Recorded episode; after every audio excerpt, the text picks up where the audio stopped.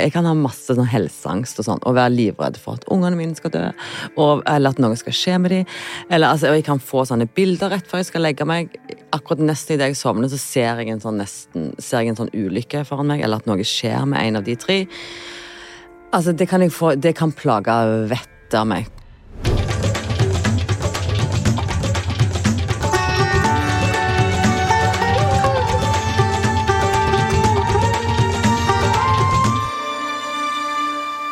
Hei, jeg heter Abid Raja. Og jeg heter Nadia Ansar. Du, Nadia.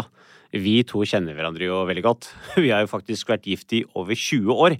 Og det er først nå vi har funnet ut at vi skal lage podkast sammen. Og den skal handle om følelser. Ja, og hvorfor akkurat om det? Lurer du faktisk på det, Abid? Nei, du, egentlig ikke. Jeg, jeg drev egentlig bare og tenkte på hvordan vi skulle lage en sånn fin overgang til de som hører på. Eh, Jeg tror folk har fått med seg at vi er jo litt mer enn gjennomsnitt opptatt av å snakke om følelser. Derfor skal vi invitere forskjellige mennesker som vi er nysgjerrige på, til å komme hit og snakke åpent om følelsene sine. Målet er jo sammen bli flinkere til å både gjenkjenne og håndtere både egne og andres følelser. Rett og slett gjøre både Norge og verden til et mer følelsesvennlig sted. Det er litt av et eh, verdensprosjekt, altså. Ja. Skal vi bare sette i gang, eller? Ja, la oss gjøre det.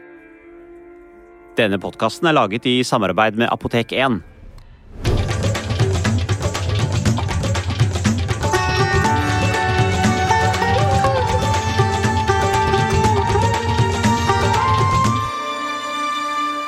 Jeg jo, eh, kom jo akkurat eh, hjem fra Bodø. Fordi at det er, Bodø er jo eh, 20, Det heter Bodø 2024, faktisk. fordi at eh, Bodø vant jo å bli, for å bli europeisk kulturhovedstad. Eh, Og det var eh, da jeg var eh, kultur- og likestillingsminister, kan jeg skryte litt av det, og det var en av, de, eh, en av de mange tingene jeg fikk gjort som var veldig positive, for de trengte noen statlige midler, så vi ga dem de midlene. Og da fløy jeg opp dit, og der var dronninga, og der var statsministeren, og ja, også min etterfølger, da, eh, nummer to. Altså det, de har jo vært to kulturministre etter meg allerede. Så fantastisk åpning, eh, og, og heldigvis hadde Ingunn været roet seg ned, så det var mulig å faktisk ha et utendørsarrangement. Så, så helt fantastisk. Og så kom jeg hjem og tenker at nå hadde jo du hatt en frihelg også. Jeg har vært Bodø, og tenkte Ja. nå er hun uthvilt. Ja, ja, og jeg var absolutt uthvilt. Men det som bare slo meg, er at jeg er jo så vant til å være en litt sånn eh, Du og andre pleier å kalle meg for litt sånn eh, selvgående, frittgående høne. Som er veldig selvstendig, trenger egentlig ingen, er veldig selvforsynt og trives godt i eget selskap. Eh, Så, så gjorde jeg meg Selvforsynt, frittgående høne. Ja. Men da gjorde jeg meg en sånn interessant observasjon av at nå, altså i, på dette tidspunktet, så har jeg ikke hengende et prosjekt over meg. Jeg har eh, vært, eh, altså akkurat levert fra meg en forskningsartikkel, skrevet tre kapitler i en fagbok, eh, produsert denne boka, holdt på med doktorgrad, så jeg har vært så opptatt. Ja. Og når jeg har vært opptatt, så har jeg egentlig trives veldig godt i mitt eget selskap, og kan godt være alene hjemme i en hel uke. Fordi da jobber jeg meg i hjel på dagen, som gjør at jeg egentlig klarer å slappe, slappe av veldig fint når jeg eh, trenger kvelden, det ja. på kvelden. Men nå har jeg ingen prosjekter. Plutselig så er du borte. Og så skal jeg gjøre følgende, og det er å gjøre ingenting. Ja. Og jeg har vært og trent. Ja. Jeg har rydda huset, jeg har laget frokosten og lunsjen til barn, jeg har prata med alle. Alle plikter og gjøremål er check. Ja. Skal jeg sette meg ned, lese litt bok, og så skal jeg liksom prøve å Det kan jeg gjøre, fordi det er fornuftig, for det er relatert til eh, noen Ja. som vi skal møte denne uka. Men det å ikke gjøre noe, bare sitte på sofaen og bare slappe av, leve et sånt slaraffenliv, bare gjøre nada, det får jeg ikke til. Nei, for det, det må du gjøre sammen med meg, egentlig. Ja, Så for da trenger jeg deg. For Altså, vår par, altså, rutine har blitt at eh, vi jobber hardt hver for oss, men når vi er sammen, så slapper vi av sammen og har på en måte litt sånn kos.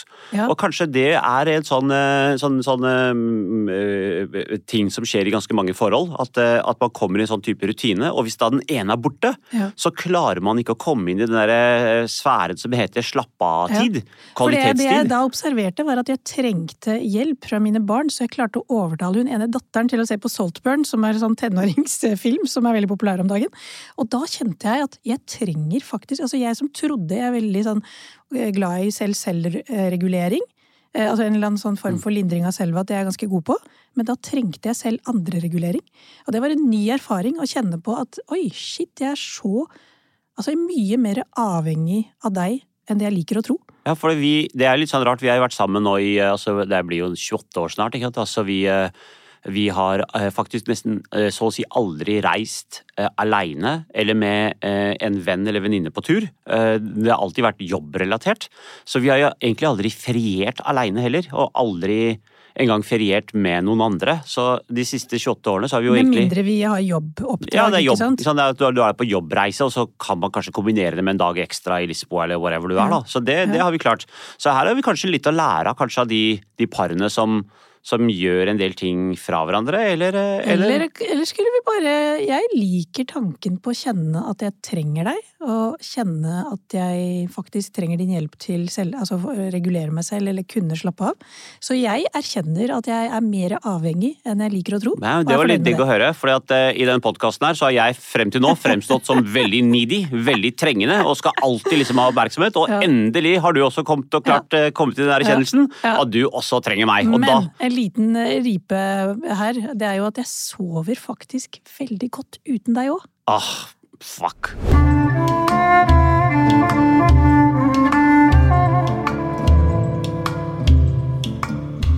I dag har vi med oss en ekte skuespillerstjerne i studio. Jeg føler meg helt sikker på at eh, du har sett henne på TV, på kino eller på teater. Hun har nemlig spilt i Mongoland, Buddy, Neste sommer, Blindsone, Lykkeland, Fruen fra havet, Made in Oslo, Et dukkehjem 2, og altså dette er bare for å nevne noen. Og hun har vunnet flere Amanda-priser og flere gullrute. Og hun har designet eh, tidligere kjole for Baitimo, men nå har hun altså sin egen Gjev-kolleksjon. Og i dag er hun her i studio med oss for å snakke om følelser. Hjertelig velkommen, Pia Tjelta. Tusen takk. Du gjorde det sånn, altså jeg vet at du har fått en, et par eh, litt rare, sjeldne priser også. Ja, nei, nei, han sa to. Jeg har bare vunnet én, Amanda. Ja, men vi sier det var flere. Ja, ja. Men det var en annen Det blir flere. Ja, nei, eh, det er feil. Jeg har ikke vunnet to. Eller jo, vi vant Gullklapperen en gang med Mongoland. Altså hele ensemblet. Så kanskje det ja, kanskje Ja, det men det det kommer det til å bli flere. Det kommer til å bli flere. Og vet du, I dag så vurderte Nadia å ta på seg en Pia Tjelta-kjole, faktisk. eh, Ja. Men hun sa at eh, det Jeg kommer til å høres. angret høres meg i siste sekund, tenkte at det kommer til å bli oppfattet som veldig smisk. Nei, jeg var kjempeglad for at du vil gå med de. Herregud. Men du har en stor, stor beundrer i Nadia, altså. Hun Ja, er eh, altså, For meg er det, det er virkelig sånn starstruck herfra til månen. Jeg har jo beundra deg fra skjerm, altså på skjermen fra jeg var fra tenåringsalderen av. Altså liksom bare fulgt deg liksom hele veien, da. Eh, Du har jo vært eh, å se på TV-skjermen i mange år. Ja, begynner å bli gammel nå, ja. Men jeg er altså helt uh, Jeg er megafan av deg òg. Så det er jeg jo veldig glad for å være her. Åh, så Ja. koselig stemning dette blir. ja. Men hva gjør du nå, Pia? For Sist vi så deg, så var det, det var jo rett før jul på eh, et eh, Dukkehjem 2. Mm -hmm. uh, og jeg kan jo fortelle deg Det var på, faktisk på premieren. Og jeg og Nadia vi satt og grein begge to. Ja, det var Eh, så sterkt. Ja, så det var, det var så Det, det traff oss så vilt i hjertet. Og det, Mm. jeg klarer ikke å bare komme over den uh, Altså den eh, prestasjonen som, som, som du og også andre kollegaer av deg gjorde på, på scenen. Det var så hjertekjærende og Ja. så ekte, eh, og så samtid. Ja, men det, det har du jo også sett på alle tilbakemeldingene. Fullsatte saler og terningkast og eh, Hvordan kommer man over dette, liksom? Nei, nei det, om man kommer over, over det, man det Man komme kommer seg gjennom det. Eh, ja. eh, nei, men det som er veldig gøy, er at eh, det jeg fant aller mest inspirasjon i i arbeidet med det stykket, det var jo boka di, Nadia. Eh, og det var det eneste jeg leste utenom manus i den perioden. Fordi jeg Yes. leste eh, en anmeldelse som du delte, tror jeg, på Facebook, eller Mm. et eller annet sånt. Og når jeg leste den, så bare fikk jeg sånn frysninger på hele ryggen. Og ble, ble, altså, det var helt sånn hæ? hæ? Det er jo dette det handler om! Det er jo dette det handler om! Eh, og så det var min aller største inspirasjon. Var Fy søren, din fortelling. frysninger. Altså, Ja. Dette her er nesten sånn, nå går jeg, og forsvinner jeg snart i skamhockey. Og bare Nei, nei, nei, nei, nei, det var ikke Nei, men det var, Og det var jo faktisk bare anmeldelsen jeg leste først. Eh, hvor jeg bare kjente at her var det så mange paralleller Mm. til, det, mm. til det materialet og til det universet og til det det, det handla om. Eh, og om en sånn type frigjøringsprosess som gjorde meg veldig interessert. Så jeg løp og kjøpte den boka med en gang. Og jeg har til og med sånn masse notes i boka di. Eh, i forhold til, eh, jeg har til og med skrevet en hel monolog, tror jeg, ved siden av noe du forteller. Eh, som var sånn ja, men det, Hun snakker om dette. Det er dette. Eh, som var nesten hele sluttmonologen. Eh, når eh, Nora sier at det kan være veldig vanskelig å høre sin egen stemme. Og for hver, eh, for hver løgn vi sier, så blir det enda vanskeligere å høre den. Åh, gåsehud.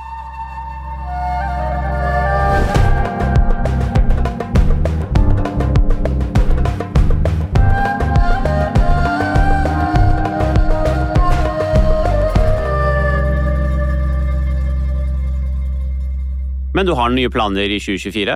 Nei. Nei. Nei! Du skal, Nei! du skal hvile på laurbærene, eller? eh, Nei, jeg har tatt meg fri. For Friår? Først, ja, for første gang på veldig lenge. Nå hørtes du ut som sånn, eh, sånn 19-åring som skal gå på backpack-tur i Ja Latin-Amerika. ja, men jeg skulle ønske at det var det jeg skulle, men jeg har rett og slett tatt en eh, Bestemt meg for at nei, nå skal jeg ta en pause. Nå skal jeg ikke spille teater. Og så får vi bare se hva som skjer. Men jeg er jo livredd. Og det går jo sånn, altså Når jeg har sendt ut en mail på en fredag, så kan jeg bli sånn Hvis jeg ikke har svart ti over ni på en mandag, så blir jeg sånn Ja vel, kom igjen. kom igjen, kom igjen. Fordi at jeg er jo, kom, er jo ikke veldig flink til dette. Å, fy søren. Nei. Altså, dette er interessant, altså. Eh, før du kom, så drev vi og snakket om dette her med at jeg har også tatt meg litt sånn hvileår. Jeg er nok litt lik deg, ikke i så Du har ekstrem versjon. hvileår er ikke helt riktig, men ok. Ikke hvileår. Altså, jeg jobber som vanlig, men det er liksom ikke den derre dette ene målet det, i år, da. Mm. Og det kan også Jeg kan kjenne igjen den derre følelsen av at eh, hvordan slapper man av egentlig? Ja. Hva gjør man da? Og at det skaper så mye uro å ha bestemt seg for at nå skal jeg ta det litt med ro. Ja, ja. Men Altså, er jo- det er jo Interessant, eh, altså. Men betyr det ja. ingen ny kleskolleksjon, eller Absolutt. Jo da, jeg har, jeg har jo jeg har my day job. Ja, ja. Så jeg, eh, jeg, jeg har eh, klesmerket mitt og en hele haug med ansatte som jeg skal være sammen med. Og ja, nå har vi innsalg på neste kolleksjon som eh, kommer neste høst. Ja, ja. Så det, det er jo Litt av et eh, hvileår, dette her. Ja.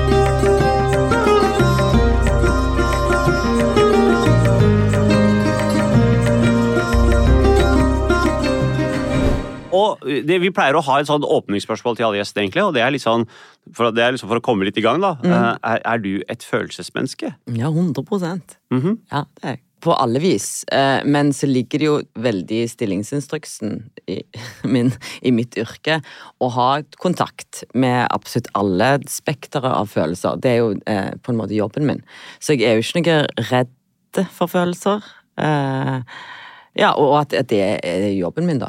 Eh, Det, det er å både kunne analysere uh, følelser og være opptatt av det og interessert i det. For noen kan være litt sånn redde for Jeg er redd for å bli sint, jeg er redd for å bli lei meg, jeg er redd for å være, føle meg ensom. Men du har klart å sortere i mye av dette, også i kraft av å være skuespiller. Ja, og en skuespiller bruker jo ofte veldig mye tid på å skjule hvordan de har det.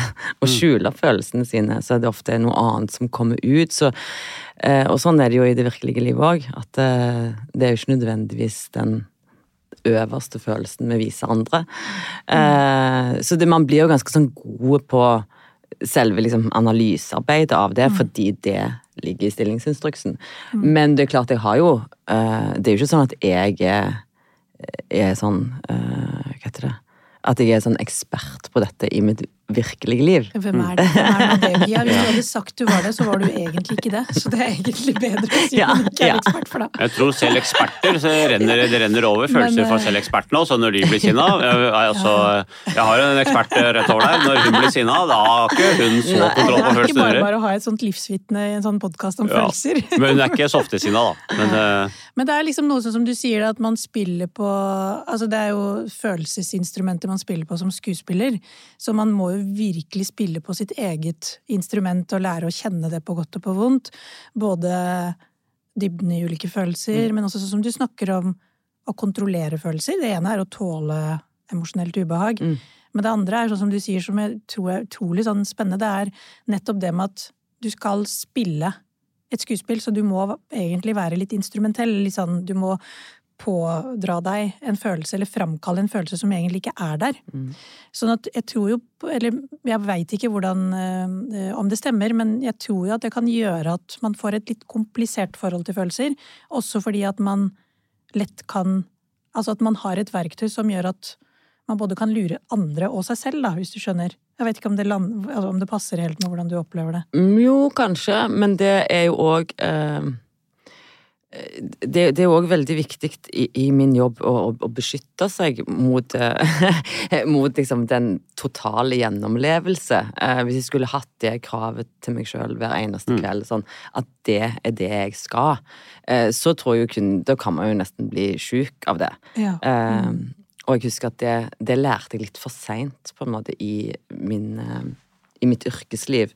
Eh, men det var eh, Erik Salvador som lærte meg. Har du møtt han? Nei. Det er en fantastisk fyr. Ja. Som du må treffe. Som, eh, eh, tid, jeg jobber vel ikke som psykiater nå lenger, men nå tror jeg han jobber i McKinsey. Oi. Men eh, ja, verdens feteste fyr, iallfall. Lærte meg helt sykt mye om eh, angst og håndtering oh. av liv. Oi, Ja, wow. han har lært meg masse. Men han sa det, og det var veldig seint i mitt yrkesliv, han sa at men hjernen skiller ikke på et simulert angstanfall og et ekte. Eller en sorgprosess, eller en type stor emosjonell eh, reaksjon, da. Eh, Sånn at eh, du greier ikke å lure hjernen. Eh, Den tror det er ekte, på en måte. Selv om jeg intellektuelt vet at dette var spill. eh, Så skiller kroppen ut like mange stresshormoner eh, og Yes. Eh, usunne ting som, Ja. som ikke uh, Som om det hadde vært ekte, da. Så når du skuespiller og en rolle hvor du spiller da gjerne, la oss si angst eller frykt, Mm. så kan kroppen fremkalle det som om det var ekte, selv om du vet logisk at du skuespiller? Ja. Altså, det- hjernen vet ikke forskjell. Jøss. Ja, men det, det stemmer. Det må være det- ganske vanskelig, for hvis du spiller en depressiv rolle da, over tid på teater Mm. Ja, ja. så nå, nå, nå er jeg lekmann her, altså, men betyr det at, at man kan eh, eh, altså Hjernen begynner da å bli litt depressiv av å spille en sånn depressiv rolle? Altså at man Ja, I eh, ytterste konsekvens så er det jo det, er det ikke det, Nadia? Definitivt. For det er jo noe med at følelser fargelegger minner. Det er den funksjonen følelser har. Mm. Sant? Så når du føler en bestemt følelse, så vil du selektivt huske de eh, opplevelsene, hendelsene du har hatt tidligere i livet, som ligner på den følelsestilstanden du har nå. Ja. Så for eksempel hvis du er trist og lei deg, så vil du komme på alle tapene du har hatt i løpet av livet ditt, alt som ikke har gått den riktige veien, og sørge over det, og selektivt da viske bort all, alle andre hendelser som ikke passer med den følelsen du kjenner på her og nå. Så din indre organisering i øyeblikket, den fargelegger alt som har skjedd i fortiden. Og når, jeg, når du er glad, så vil akkurat det samme skje. Da vil du tenke på sånn åh, Jeg vil heller være en glad skuespiller enn å være trist skuespiller, for det må være vanskelig. jeg vil bare spille komedie herfra ut, jeg. Ja, for ellers så går du jo rundt og er trist hele Ja. tida. Jo, for det er altså, bare sånne enkle eksperimenter da, med å liksom legge blyant i munnen. Hvis du gjør det i to minutter, så har forskningen vist at da blir du gladere. Ja.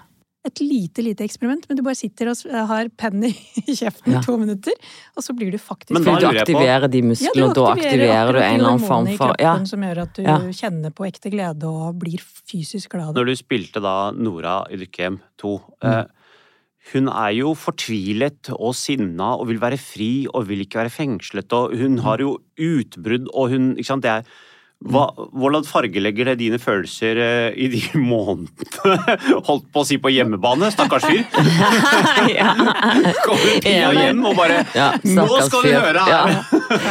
Ja. nei, det fargelegger meg jo på en måte. Eh, det gjør det jo. Eh, men òg Altså, det jeg skulle si ofte Min jobb er jo òg ikke nødvendigvis å føle så ekstremt mye sjøl, men eh, å vite hva jeg skal gjøre, og hva vi skal gjøre på scenen for at noen andre kanskje skal Nettopp. oppleve Publikum skal føle det. ja. Sånn at det, eh, Ofte så handler det jo mye om å legge lokk på følelser. Eh, om å holde tilbake følelser.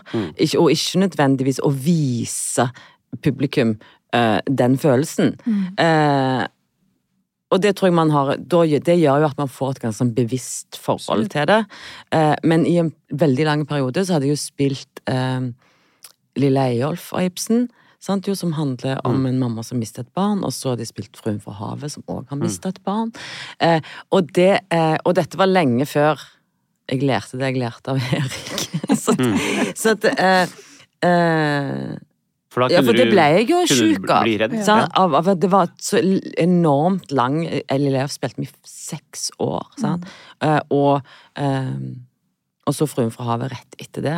Så det er jo typ sånne uten at jeg Og jeg tror jo at jeg er ganske sånn sober skuespiller. Som er sånn, Jeg går hjem fra jobb, og så steker jeg de fiskepinnene, og så er jeg til stede der jeg er. Jeg går ikke sånn jeg har ikke med meg den rollen hjem, eller går og sånn 'Nå er jeg hun' Nei. Eh, Nei. eh, det, det er jobben min, liksom. Ja, ja. Eh, Sånn at eh, Men allikevel så kryper det jo inn en eller annen form for eh, Frykt eller eh, En følelse. Ja, eller følelse, det, det preger deg u, liksom, uansett hvor sober jeg tror at jeg er.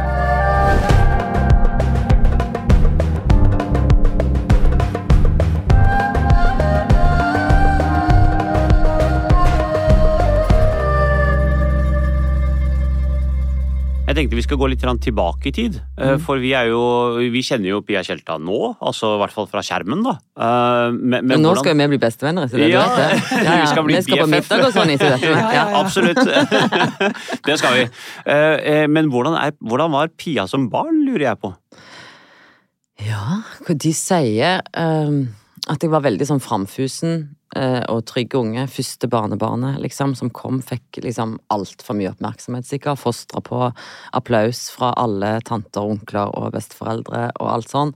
Og det har jo sikkert prega meg negativt siden. Eller positivt. Ja, liksom tenker, Er det ikke sånn livet er? At alle bare yay! Så kommer ut av bussen skal alle bare Yeah, så flink du Ja. var!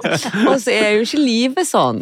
Nei. eh, men eh, det var min opplevelse av å vokse opp, eh, var sånn. Og vokste opp hvor da? I, uh... Jeg vokste opp på Grannes, liksom utafor Stavanger. Ja. Mellom Sola og Stavanger. Mm. Veldig sånn Fint område. Ja, veldig fint, fint. altså. Og helt tett på sjø. eh, tett på besteforeldre og liksom, ja, en stor Mye familie rundt, mye ågrer. eh, det, var liksom, det var jo ikke et boligfelt vi bodde i, så mamma og pappa måtte alltid kjøre meg til andre. Så jeg var nok litt ensomme eh, på mange vis. Og så tror jeg jeg følte meg ganske sånn utafor etter hvert. Mm. Men sånn når jeg begynte i barnehagen, og altså, da var jeg helt sånn Snakkes, ha det, ja. Altså, jeg var mer enn klar for å se folk. Sjølfølelse, eh, var det ikke noe mangelvare? Nei, det var ikke mangelvare eh, på dette barnet som hadde blitt klappa fram. Så veldig Nei. sånn trygg og eh, veldig sånn beskytta barndom. Med veldig Ja. mye kjærlighet og sånn Og my- masse gode omsorgspersoner rundt meg.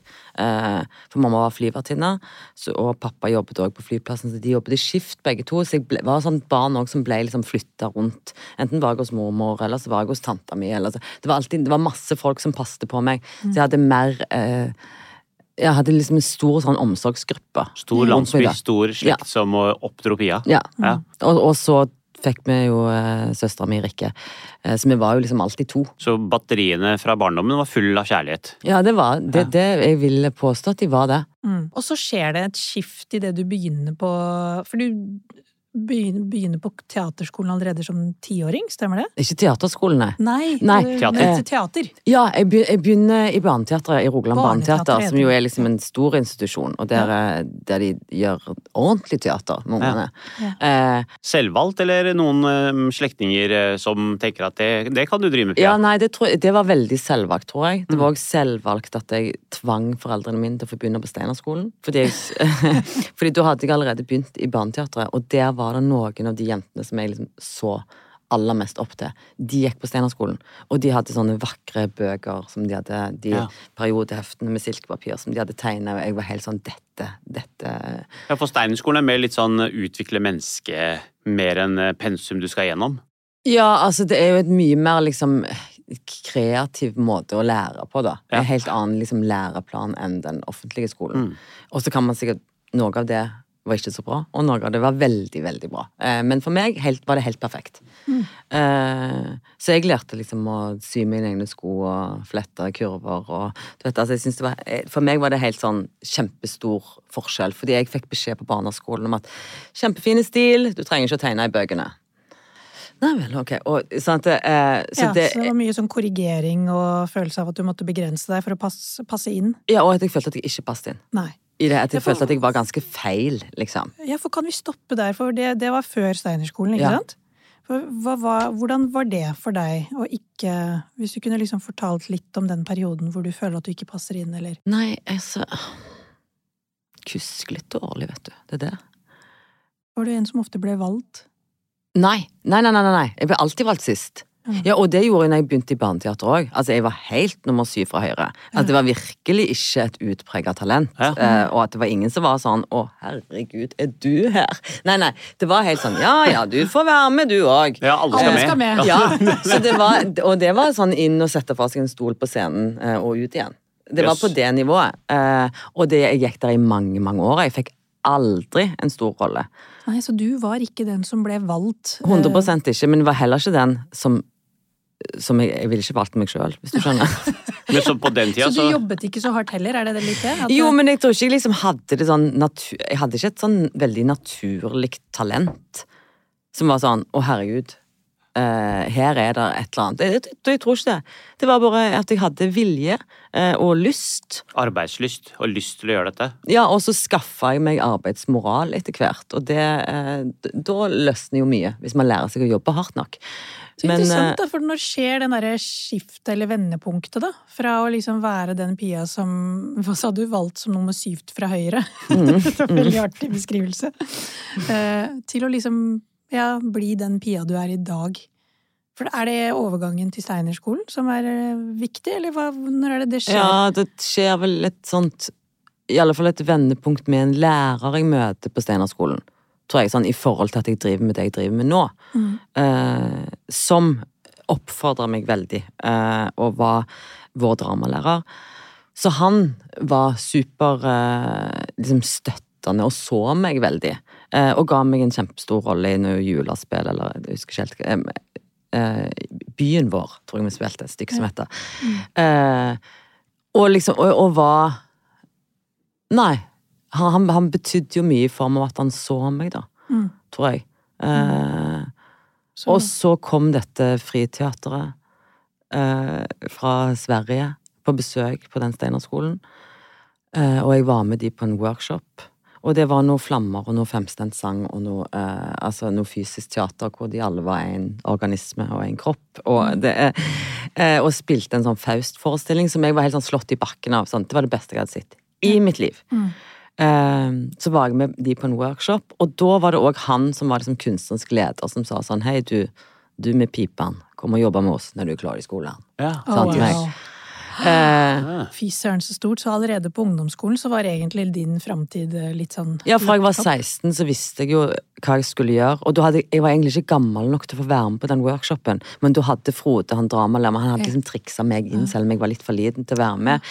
Og så hadde jo det en enorm sånn eh, Det var, har hatt masse betydning for meg seinere, da, at han trodde på meg. For jeg trodde nok veldig lenge sånn Men jeg er ikke en av de som kan få til det. Og det varte i mange år etter dette òg, altså. eh, jeg hadde aldri trodd at jeg skulle liksom, klare å søke på teaterskolen eller komme inn der. Det var sånn fjernt for meg. Eh, Så den der følelsen av jeg er egentlig ikke god nok, men hvis jeg bare jobber hardt nok og legger innsatsen til, øh, virkelig har god disiplin, så kan jeg klare det likevel.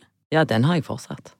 Den, er, Ja, den har vært med hele livet, tror Og nå får jeg frysninger. Ikke Ja. fortsatt. Åh, nå får jeg lyst til å invalidere deg.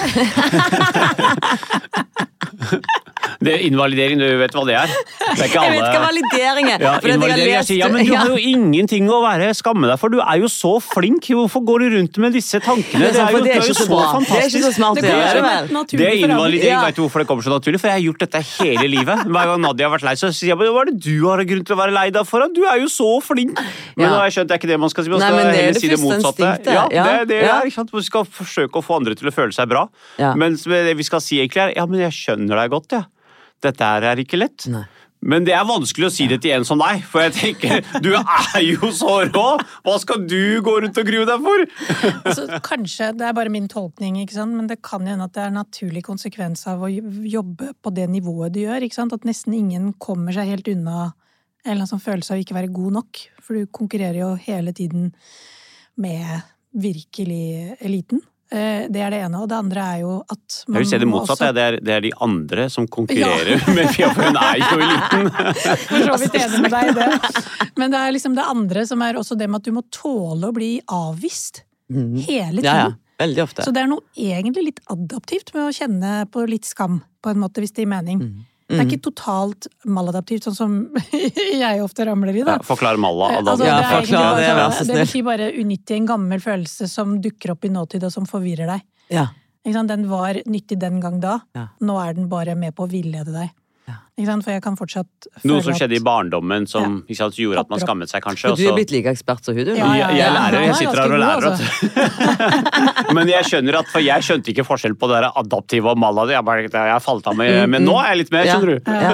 For Fortsett. så nå, er vi, nå lever vi og har det bra, ikke sant? Og, og da har vi adaptive gledesfølelser. Fordi de er ferske, de henger med situasjonen her Men og nå. adaptiv, hva betyr det? det, betyr, det er, men, Det er nyttig, det er sunt, det, det passer så til det er ikke liksom situasjonen. Sånn på engelsk to adapt. At du på Ja, en eller annen måte, måte så henger det eh, sammen med evolusjonen, ikke sant? ja. For det er jo noe med at denne følelsen her den, Hva er det følelser er? De er jo egentlig informasjonssignaler, ikke sant? Så, så når jeg føler noe her og nå, så gir det deg en eller annen Det kommuniserer noe til deg mm, om hvordan jeg har det. Jeg Mm. har det bra. Mm. Så da sier jeg fra at jeg har det bra. mm. Hvis man skammer seg liksom akkurat her og nå, da, så er det fordi at det er noe som skjedde akkurat her og nå, som gjør at man skammer seg. Men noen ganger så kan man sitte og skamme seg for, for noe som skjedde langt tilbake i tid, som egentlig ikke er nyttig her og nå, Mm. men som gjør at du kanskje går inn Ja. i Jeg skal gi deg et eksempel. Ja. Noen ganger så blikker jeg Abid fordi at jeg føler at han tar litt plass. Og da skjer en korrigering veldig raskt, som gjør at han føyer seg. Sånn som nå. Så Det er adaptivt skam. Jo, det er adaptivt, fordi det passer til situasjonen her og nå. ikke sant? La meg komme fram, jeg har et poeng. Mm. Det er helt sunt. Mm. Men hvis han hadde blitt så skamfull at han ikke klarte å konsentrere seg, Mm. de eksekutive signalene forsvinner, at han klarer ikke Altså kapasiteten hans for å tenke og føle her og nå forsvinner, Mm. og han får mest av alt lyst til å bare grave et hull i bakken og forsvinne, da er han inne i en gammel følelse som kanskje passet til noe den gang da. Som for eksempel noe foreldrene mine gjorde, som gjorde at jeg skammet meg, eller noen lærere sa sa eller noe annet. Du er Ja. et halvt menneske, eller at du, du mm. Han sa mye vondt, ikke sant. Hvis det hadde dukket opp nå, Mm. Da forvirrer det han, og det forvirrer meg, fordi da skjønner jeg ikke Hei, jeg bare blikka deg litt, det var ikke så katastrofe. Nei, nei. Så det skaper masse krøll i Mm. nå-situasjonen, da. Mm. Eh, og forvirrer meg, og forvirrer han, og så har vi det gående. Så de er derfor unyttige. Det er derfor man Ja, Nei, vi beundrer dere så mye for det arbeidet dere har gjort. Jeg, altså. Altså at dere to står på beina Ah, og er, og er, på en, og er sånn og, er, altså, og har tatt dere gjennom alt det dere har tatt dere gjennom. Ja, Som jeg bare kjenner gjennom eh, boka, da. Det har ikke lest din. Det bare, Jeg skal sende den. Jeg skal jeg lover at jeg skal det. Uh, Vi skulle tatt den Nei, men det jeg er så Jeg sa det til Oddgeir før jeg skulle gå ut. Fy faen, jeg beundrer de to så mye. Har stått Yes. i Du livet selv. på middagsforsøk til oss, alle, det skal jeg love deg. Skal- Men tilbake til der hvor vi starta. Det derre at selv du kan føle at du ikke er god nok. Mm. At selv du kan kjenne på at Uh, at jeg må jobbe enda hardere for å være flink nok. eh, ikke sant? Det, Jeg er livredd for ikke å være god nok, jeg. Hver gang. Livredd for ikke å få det til. Hver gang. Mm. Jeg ville jo nesten sagt at den er nesten uunngåelig. Det er det jeg prøver å si, at i den posisjonen og stillingen du har nå, da, så er det dessverre litt sånn vondt å erkjenne også. Men det er på en måte blir en slags sånn En del av pakka. Ja, men det har Eh. òg blitt motoren min, Ja. på et vis. Mm. At det som en gang var liksom dårlig selvtillit, det som en gang var en sånn kjempestor uro for ikke å passe inn, ikke å få det til Eh, For nå vet du jo at jeg kan Noe baki her vet jo at Men jeg kommer i mål, Ja. liksom. Altså, så ræva blir det ikke. Så du har Eh, erfaringskompetanse som ja, tilsier det? erfaringskompetanse for et bra Jeg ler så mye nye ord, jeg. Altså, jeg kommer, kommer til å komme hjem og være helt sånn, for det var jo veldig Mallada-tips, spør du meg. Nei, men, eh, men eh, Nei, hva var det jeg skulle si nå? Erfaringskompetanse. Du vet Ja. at du kommer i mål. ja, og at den, det med at det har blitt en motor, er jo Ja. det som er at, at man kan gjøre om en type uro eller angst eh, eller frykt til en drivkraft. ja, til, ja, til noe som driver deg fremover. Til noe som er, blir til en ressurs for, for deg, hvis du har nok bevissthet rundt det, da. Eh, så nå kan jeg jo oppleve at det er sånn At det som jeg kanskje var med meg masse i ungdommen, og veldig store deler av mitt voksenliv òg At den type frykten for ikke å, å, å få det til, eller ikke å passe inn, eller ikke å være god nok, på en måte, det, det Nå kan jeg se sånn at jeg har gjort det om til en ressurs for meg, til noe som hjelper meg, Absolutt. til noe som er liksom en del av min fire.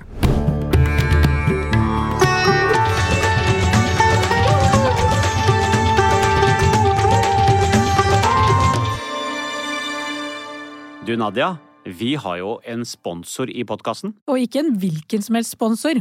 Vi har nemlig fått med oss Apotek 1 på laget. Og det er vi skikkelig stolte av. Det er jo en eh, helt perfekt samarbeidspartner for oss. Ja, de er opptatt av veldig mange av de samme tingene som oss, som for eksempel åpenhet og det å ufarliggjøre det som er flaut eller tabubelagt.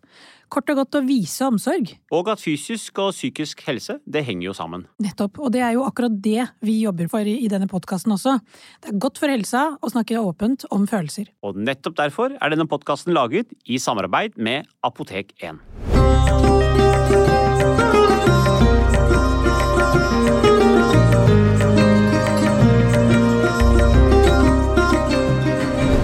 Kan du merke noen ganger at, eh, at, at, barndommen også kan prege deg som voksen? Eller kanskje de erfaringene du gjorde deg som barn, ungdom eh, og bakover i tid, at det kan påvirke deg som voksen i dag? Ja, det er litt det samme som vi har pratet om nå, egentlig. Mm. Litt det at den uh, følelsen av å være den som ikke ble valgt, eller ikke passet inn. At sånn, jeg var litt for rar og litt for liksom uh, Kanskje litt for framfusen og alt. Kanskje litt mye. Uh, at den følelsen av at det var litt feil det, det, det, er den, det, er jo den, jeg har liksom hatt mm. med meg, som har kanskje vært en lav selvfølelse noen ganger. Kanskje den har vært uro noen ganger, kanskje den har vært angst noen ganger. Men som jeg liksom har jo hatt det med meg mm. inn i mitt voksne liv, da. Og kan det også dukke opp noen sånne vonde tanker i hodet? At ting kan inntreffe? At man lager seg noen sånn alternative tanker om ting kan inntreffe? Det var et ledende spørsmål. ledende spørsmål, ja. oh, do we have a politician in the room? Eh, jeg, visste, jeg kjente med en gang hvor du skulle. Ja ja, altså eh, eh, Ja ja, jeg vet hvor du skal. Du var jo politiker, han har vært advokat. Så han kan ja, men har snakket, Jeg har snakka med Nadia, og Nadia har snakka med deg, så jeg vet sånn cirka ja, Jeg kjente med en gang hvor du skulle. Ja, ja, ja, Men det var veldig var elegant levert. Jeg syns du rista den godt ut å være med. Jeg skal booke deg jeg, hvis de trenger en advokat. Nei, eh, ja, det kan jeg, har fått, eh, jeg kan ha masse sånn helseangst og sånn, og være livredd for at ungene mine skal dø, og, eller at noe skal skje med dem. Eller, altså, jeg kan få sånne bilder rett før jeg skal legge meg. Akkurat nesten idet jeg sovner, så ser jeg en sånn, nesten, ser jeg en sånn ulykke foran meg, eller at noe skjer med en av de tre. Altså, det kan, få, det kan plage vettet av meg, hvor jeg tenker sånn Ok, nå må jeg, må jeg begynne å skrive tre brev. sånn at jeg liker ett brev til hver av dem. Ja, sånn at jeg bare sånn, ok, Hva er det jeg vil si til dem hvis jeg forsvinner? Mm. Hva er det de trenger å vite? Og det kan også være enten at noe skal skje med dem, men også at noe skal skje med meg. selvfølgelig. Og da tenker jeg sånn, ok, så kan kan jeg gå i to uker og tenke sånn «Ah, Men er det det jeg ville sagt til henne? Liksom, Er det det rådet du ville gi hvis du var vekk i morgen? Altså, det er sånn, åh, jeg har litt vondt her. Eh, eh, det, er et eller annet inni her. Altså, da, da kan vi gå i gang. Ja, du går liksom i gang med 'jeg har litt vondt i magen eller bak her', det er kreft. Og nå dør jeg. Det... Og så setter du deg ned og skriver et brev til barna. Nei, jeg har ikke skrevet det, men da begynner jeg å tenke at jeg må ah, gjøre det.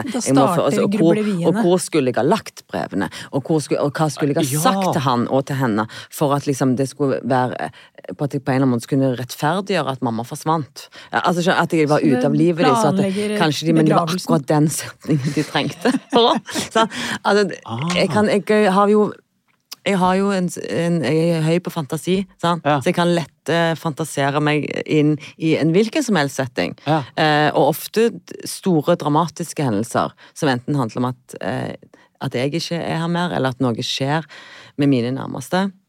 Og det kan bruke veldig mye tid. Oh, ja, det høres jeg ble utsatt på å snakke om det, for jeg kan bruke så mye tid på det. Ja. ja. for det høres veldig sånn, den uroen og angsten, at den tar såpass mye plass da, mm. på innsiden, høres eh, bare så slitsomt ut. Og så blir jeg litt sånn nysgjerrig på, er det litt sånn at uh, det er perioder hvor dette skjer, og perioder hvor det ikke skjer, og at du, at du ofte blir trigget av noe? Ja, men jeg vet liksom ikke helt hva. For jeg bare gjetter det nå, det er ikke sikkert at jeg ja, treffer, da, men, men, eh, er det liksom i de periodene hvor du på en måte har en stor commitment, som for eksempel når du skulle spille hovedkarakteren i Et dukkehjem 2, hvor du på en måte i lange perioder blir borte fra barna, eller at du drar til en annen by eller et annet land? Er ja, det, det særlig da det skjer? Ja, det er jo nesten umulig for meg. Ja, ja. ja, altså For meg å komme meg fra A til B, det er en veldig stor bragd. Eh, selv om jeg jo kjempegjerne vil. Jeg vil være i London i to måneder! Jeg vil jobbe der! Jeg vil, altså det er liksom Ambisjonsnivået mitt er jo veldig eh, sånn at jeg har dritlyst til det og kan jobbe for det. og eh, men samtidig, når det vel skal skje, når jeg skal dra fra A til B og dra mm. fra ungene, da kan jeg gå helt i eh, Altså, Da blir ikke jeg et veldig skjønner, sunt menneske. Da, det, er sånn. det, er da, det kicker inn. For det er mm. ofte det Og det gir liksom mening, da, med, med tanke på at ja, som skuespiller så blir du jo ganske altså, borte fra dine nære og kjære mm. i lengre perioder, mm. ikke sant? Mm. Så det er jo på en eller annen måte forståelig at den angsten kicker inn da. Eh, og noe av det kan jo også være igjen litt sunt eller adaptivt, sant? som handler mer om at nå, nå, jeg, nå klarer ikke jeg å være den emosjonelt tilgjengelige mammaen for mine barn som jeg er så glad i. Eh, at det kan liksom egentlig være noe sånn sunt, på en måte. Men så kan angsten villede. At den tar overhånd, da. Mhm. Nettopp sånn som du beskriver at jeg er veldig rik og høy på fantasi, og da er det nesten ingen grense for Mm. hvor langt jeg kan gå i fantasien om hva som kan skje. Sant? Og det er jo slitsomt selvfølgelig for deg eh, å stå i, men veldig ofte så kan det også bunne i en sånn underliggende frykt for at det kommer til å skje noe i framtiden. Eh, og jeg kommer ikke til å klare å håndtere det. Eller jeg kommer ikke til å være der for betydningsfulle andre eh, eh, som, som ville trengt meg, på en Mm, måte. Så det er mm. liksom noe med eh, eh, løsrivelse eller atskillelse som kan trigge en sånn angst, da. Jeg vet ikke om det passer. Mm. Ja, jo, ja, ja, jeg kjenner meg veldig igjen i det. Mm. Men jeg kan òg ha det i, i, liksom, i arbeidssituasjon. Eh, og det kan komme kasta på meg hvor som helst, egentlig. Eh, ja, ja, og når vi holdt på med Dukkehjem 2 altså, De første fire ukene så tror jeg jeg gikk ut fra det prøvelokalet sånn. Ja, så det var helt sånn Jeg har ikke pusta, fordi jeg tenkte sånn Dette kommer jo ikke til å gå. Jeg, kan ikke- jeg så bare et sånn der fjell av tekst som jeg skulle lære meg, og som jeg skulle Som jeg ikke bare skulle kunne utenat. Nei, det skulle jo være en eh, Flyt. Ja. sånn, jeg skulle sitte i kroppen på meg, liksom. Jeg skulle kunne det opp og ned og baklengs, liksom. Eh, så det, jeg har det ofte det i perioder med meg sånn. Dette her høres jo mer ut som en sånn prestasjonsangst, Ja. på en måte, som er også ganske naturlig. Ja.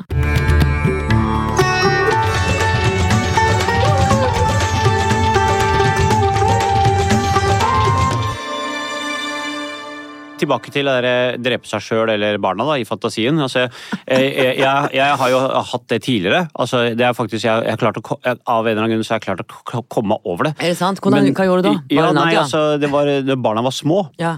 Eh, og barneskolen Og da, de pleide jo, altså, de har alltid gått i skolen, for de bo- bor i nærheten av skolen. Mhm. Eh, Men jeg var sånn De kommer til å bli kjørt ned av bussen eh, når de krysser det fortauet der, eller Ja. av en bil, eller whatever. ikke sant? Så det var liksom på med alle refleksene og alle advarslene, og jeg kunne Ja. stå faktisk liksom i døra og se og, og høre etter, for til slutt så kan jeg ikke se at de har vært borte fra huset. Ja. Jeg kan se dem så langt at de kommer seg rundt svingen, og så er det eh, akkurat fortauet der hvor du må krysse veien.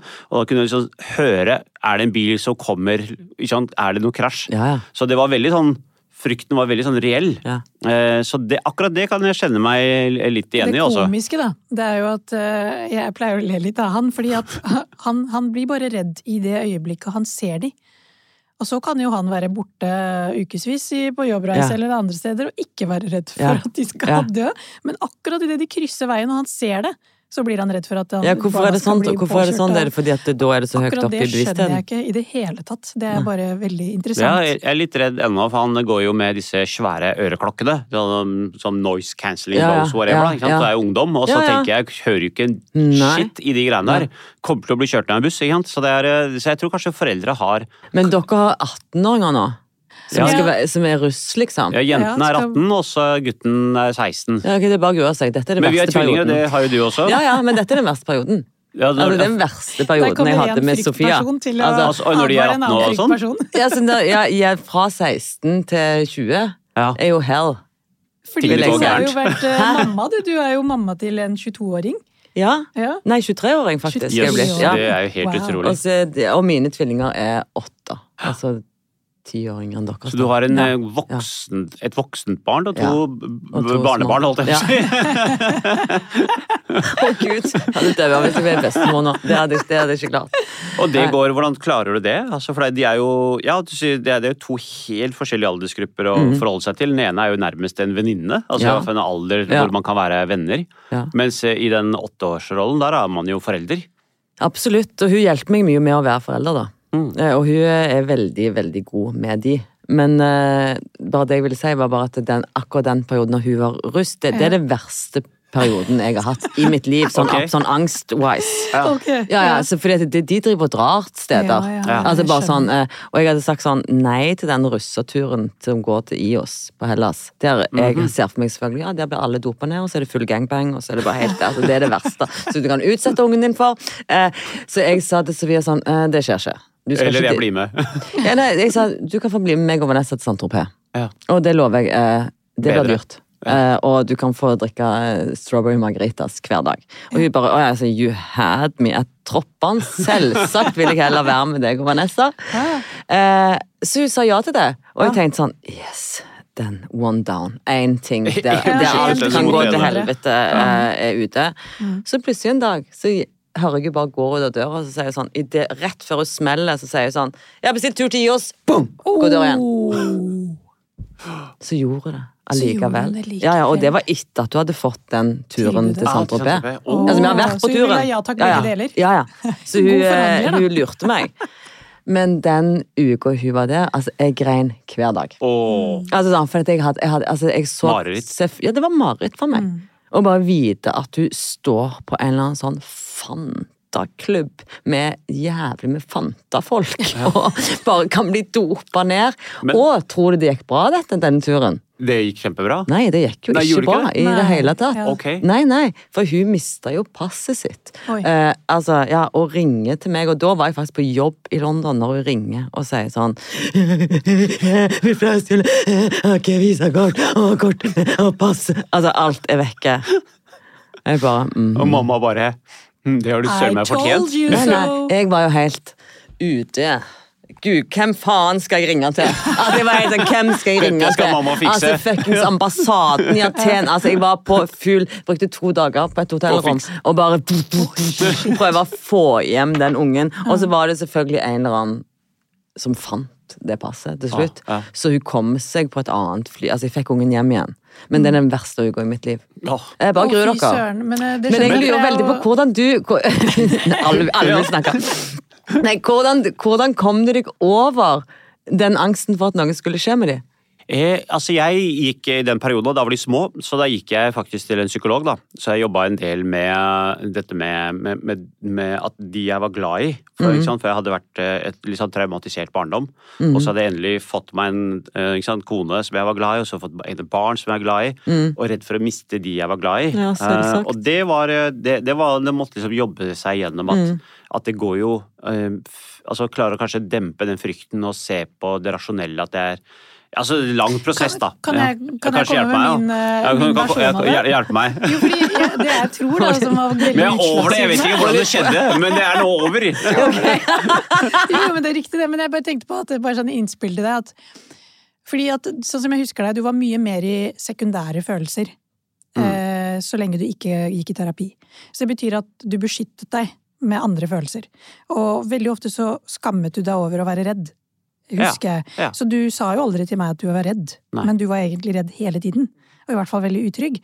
Så, Det er ikke alltid man vet om at man er redd, da. Mm, ja. Det er ikke alltid man vet at det er det man er. Det er. akkurat det, ikke sant? Men jeg tror det i hvert fall hjalp å jobbe lag på lag, og at du fikk lov til å kunne kjenne på så Det er ikke rart at eh, du skammer deg over det, fordi at som mann så kan du ikke være redd. Og Nei, er så det har jeg lært opp til at som mann, Mm. innvandrermann, så, og, ikke sant, så skal du ikke være redd. Hvis du er redd og frykter, det er jo En mann mann det skal, skal være beskytter, skal redde Mm. familien, stå opp for alle, være dødssterk. Og det å da være redd er veldig Ganske tunge bør å bære. det Ja. Det er ikke lett å være mann heller, altså. Nei, ikke det, altså. Så jeg tror i hvert fall det var veldig viktig. Og så var det nettopp det at når du på en måte fikk nok eh, anerkjennelse på sekundære følelsen, så kunne du liksom vise mer av dine sårbare følelser. Eh, og da er det jo mye bare det å få tillate seg selv, da. Mm. Og kjenne at etter at sånn er det. Og ikke sant, det henger jo sammen med gammel utrygghet. Eh, gammel frykt. Eh, har blitt forlatt veldig mye. Er redd for å miste, og redd for at nære relasjoner kan miste. Så, så det å se på en måte de følelsene i sammenheng med fortiden, for de var jo maladaptive, de var jo disse gamle følelsene som dukker opp i nåtid og får innlede deg. Jeg skal faen ikke gå ut herfra og være maladaptiv. Det skal jeg bare se dere. Rett inn og google. Du er ikke mye maladaptiv, Men altså. det som er fint, Ja. er at du har jo vært gjennom én russetid, eh, og du kan jo glede deg til at det kommer to russetider til når de åtteåringene blir eh, Ja, det Du kan starte så grue deg allerede nå. Ja, ja det, det har mye tid på å grue meg. Dette blir gøy. Ja.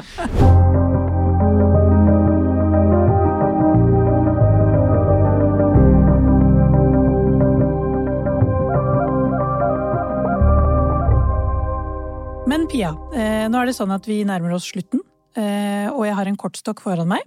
Og det som er litt opplegget her, er at du trekker et kort, og så prøver du å svare så spontant som mulig på det spørsmålet du får. Ok. Hva lyver du om?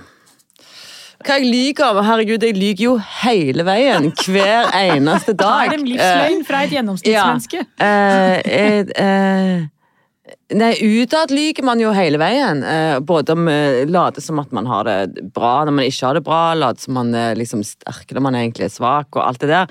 Men jeg lyver ikke, jeg lyver ikke til vennene mine. Nei, nå skal vi snakke om hva jeg faktisk lyver om. Jo, jeg lyver jo til Hva jeg lyver om Nei, det var et dritvanskelig spørsmål.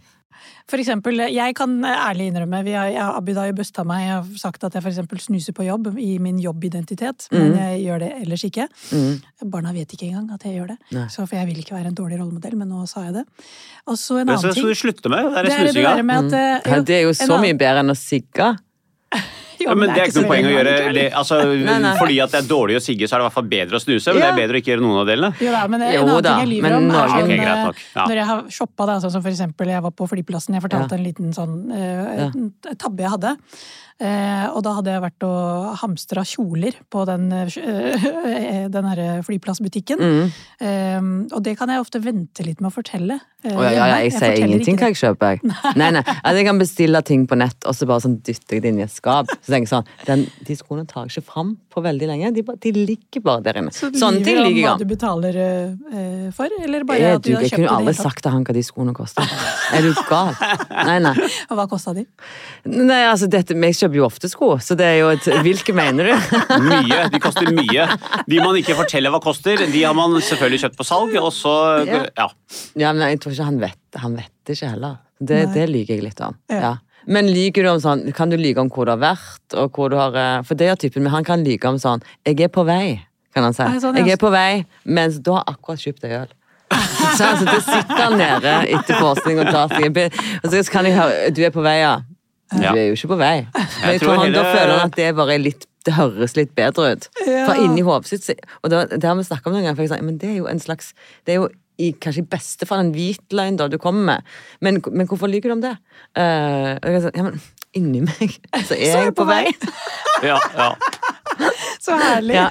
Ja, men jeg kan også kjenne litt sånn, Hvis jeg har hatt en dag fri, da, eh, og så har jeg vært i marka for eksempel, og kost meg skikkelig, løpt eller gått på ski eller sykla eller whatever, Ja. da. så, og, og, da har kanskje Nadia hatt en vanskelig dag på jobben. Ja. Så, så spør jeg hvordan har dagen din vært. Så har ikke jeg lyst til å fortelle Nei. at jeg har hatt det skikk... Helt sykt! Ja. Jeg har vært fire timer, Ja. fem timer og sykla og gått på Ja. ski der, så jeg jeg har vært en sånn helt grei dag, liksom. Og, ja, det var ikke ja. Men det synes jeg er så rart at man gjør det i parforhold. At man, liksom, at man spiller ned de opplevelsene man har. For det, og det kan, Derfor er fordi jeg prata mye med Torbjørn her om det, meg og han jobba sammen. Eh, fordi vi var jo i London, eh, meg og han og Jon, i liksom en måned og spilte der. Og så merka man at vi alle idet vi liksom ringte hjem, var sånn Nei, det er jo sjukt mye jobb, og det er jo så koste man seg så sykt. lange dager, og det er jo Og så er sånn Nei, hvorfor sier vi det? Hvorfor, hvorfor sier vi ikke bare at vi har det helt topp her? Ja. Jeg tror jeg har en teori om Ja. det. Og det er i parforhold så skal man jo ikke bare være hverandres kjæreste, men man skal også avlaste hverandre. Mm. Så hvis du er på plussida, og den andre er på minussida, Mm. så ligger det eh, implisitt Ja. i kortet at du skal bidra mer hjemme. Og at Så man, hvis du gjør det sier at du har hatt. Veldig bra, og den andre sier at det er forferdelig, så må du ta oppvasken og lage middag og rydde opp og vaske og Ja, kanskje snakker, kjøre og hente. Men, men når vi snakker litt om det, så var det sånn Det er jo egentlig å liksom degrade litt den personen som er hjemme, da. Som, som tar ungene og oppvasken og middagen Ja, og henting og skjæring. Og liksom og ikke ville fortelle hvor bra man har det, på en måte. Ja. Eh, for at man liksom skal skåne den personen. Det er sånn, så tenker jeg sånn, ja, men det må jo være verdt det, da. For hvis Odd er hjemme, og han kjører full eh, liksom, hverdagsduk med ungene, så må det være verdt det for han. Da kan jo ikke jeg ringe hjem og klage Ja, det er til han. Da må jeg ringe hjem og være. Eh, For man gjør det jo av dårlig samvittighet. Med sånn, å ja, men du må ikke tro at jeg heller har det så bra, Ja, altså. men vet hvorfor, det er godt poeng. Man må være liksom rakrygga i det. Og si at man noe fint, altså. Det skal jeg prøve å ha med. For det er jo nesten bedre for Oddi å vite at du har det bra. Ja. For da er det verdt strevet hans. Ja, mye bedre. Det er jo, det er jo mye Men man er så redd for at balansen ikke skal gå Jeg vil si kanskje, men det kan også hende at vedkommende på hjemmebane tenker fy faen, her sitter jeg og sliter, og du driver og bare er på de restaurantene og koser Ja, deg ja, men kommer jo hjem med penger, da. Vi kommer hjem med penga. Jeg kjente, ja, for utrolig uh, pleasure det har vært å ha deg her. vil jo ikke gi slutt på den samtalen her. ja, Altså. Er og, og vi gleder oss stort over at du har et uh, 2024 som er et friår, men som egentlig ikke er et friår, men som er type friår. Og jeg gleder meg til kleskolleksjonen din.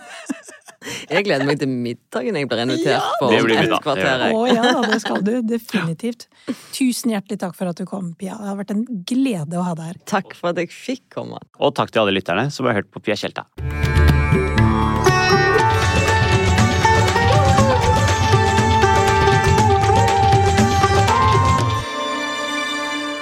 Apotek 1. Vår kunnskap, din trygghet. Plan B.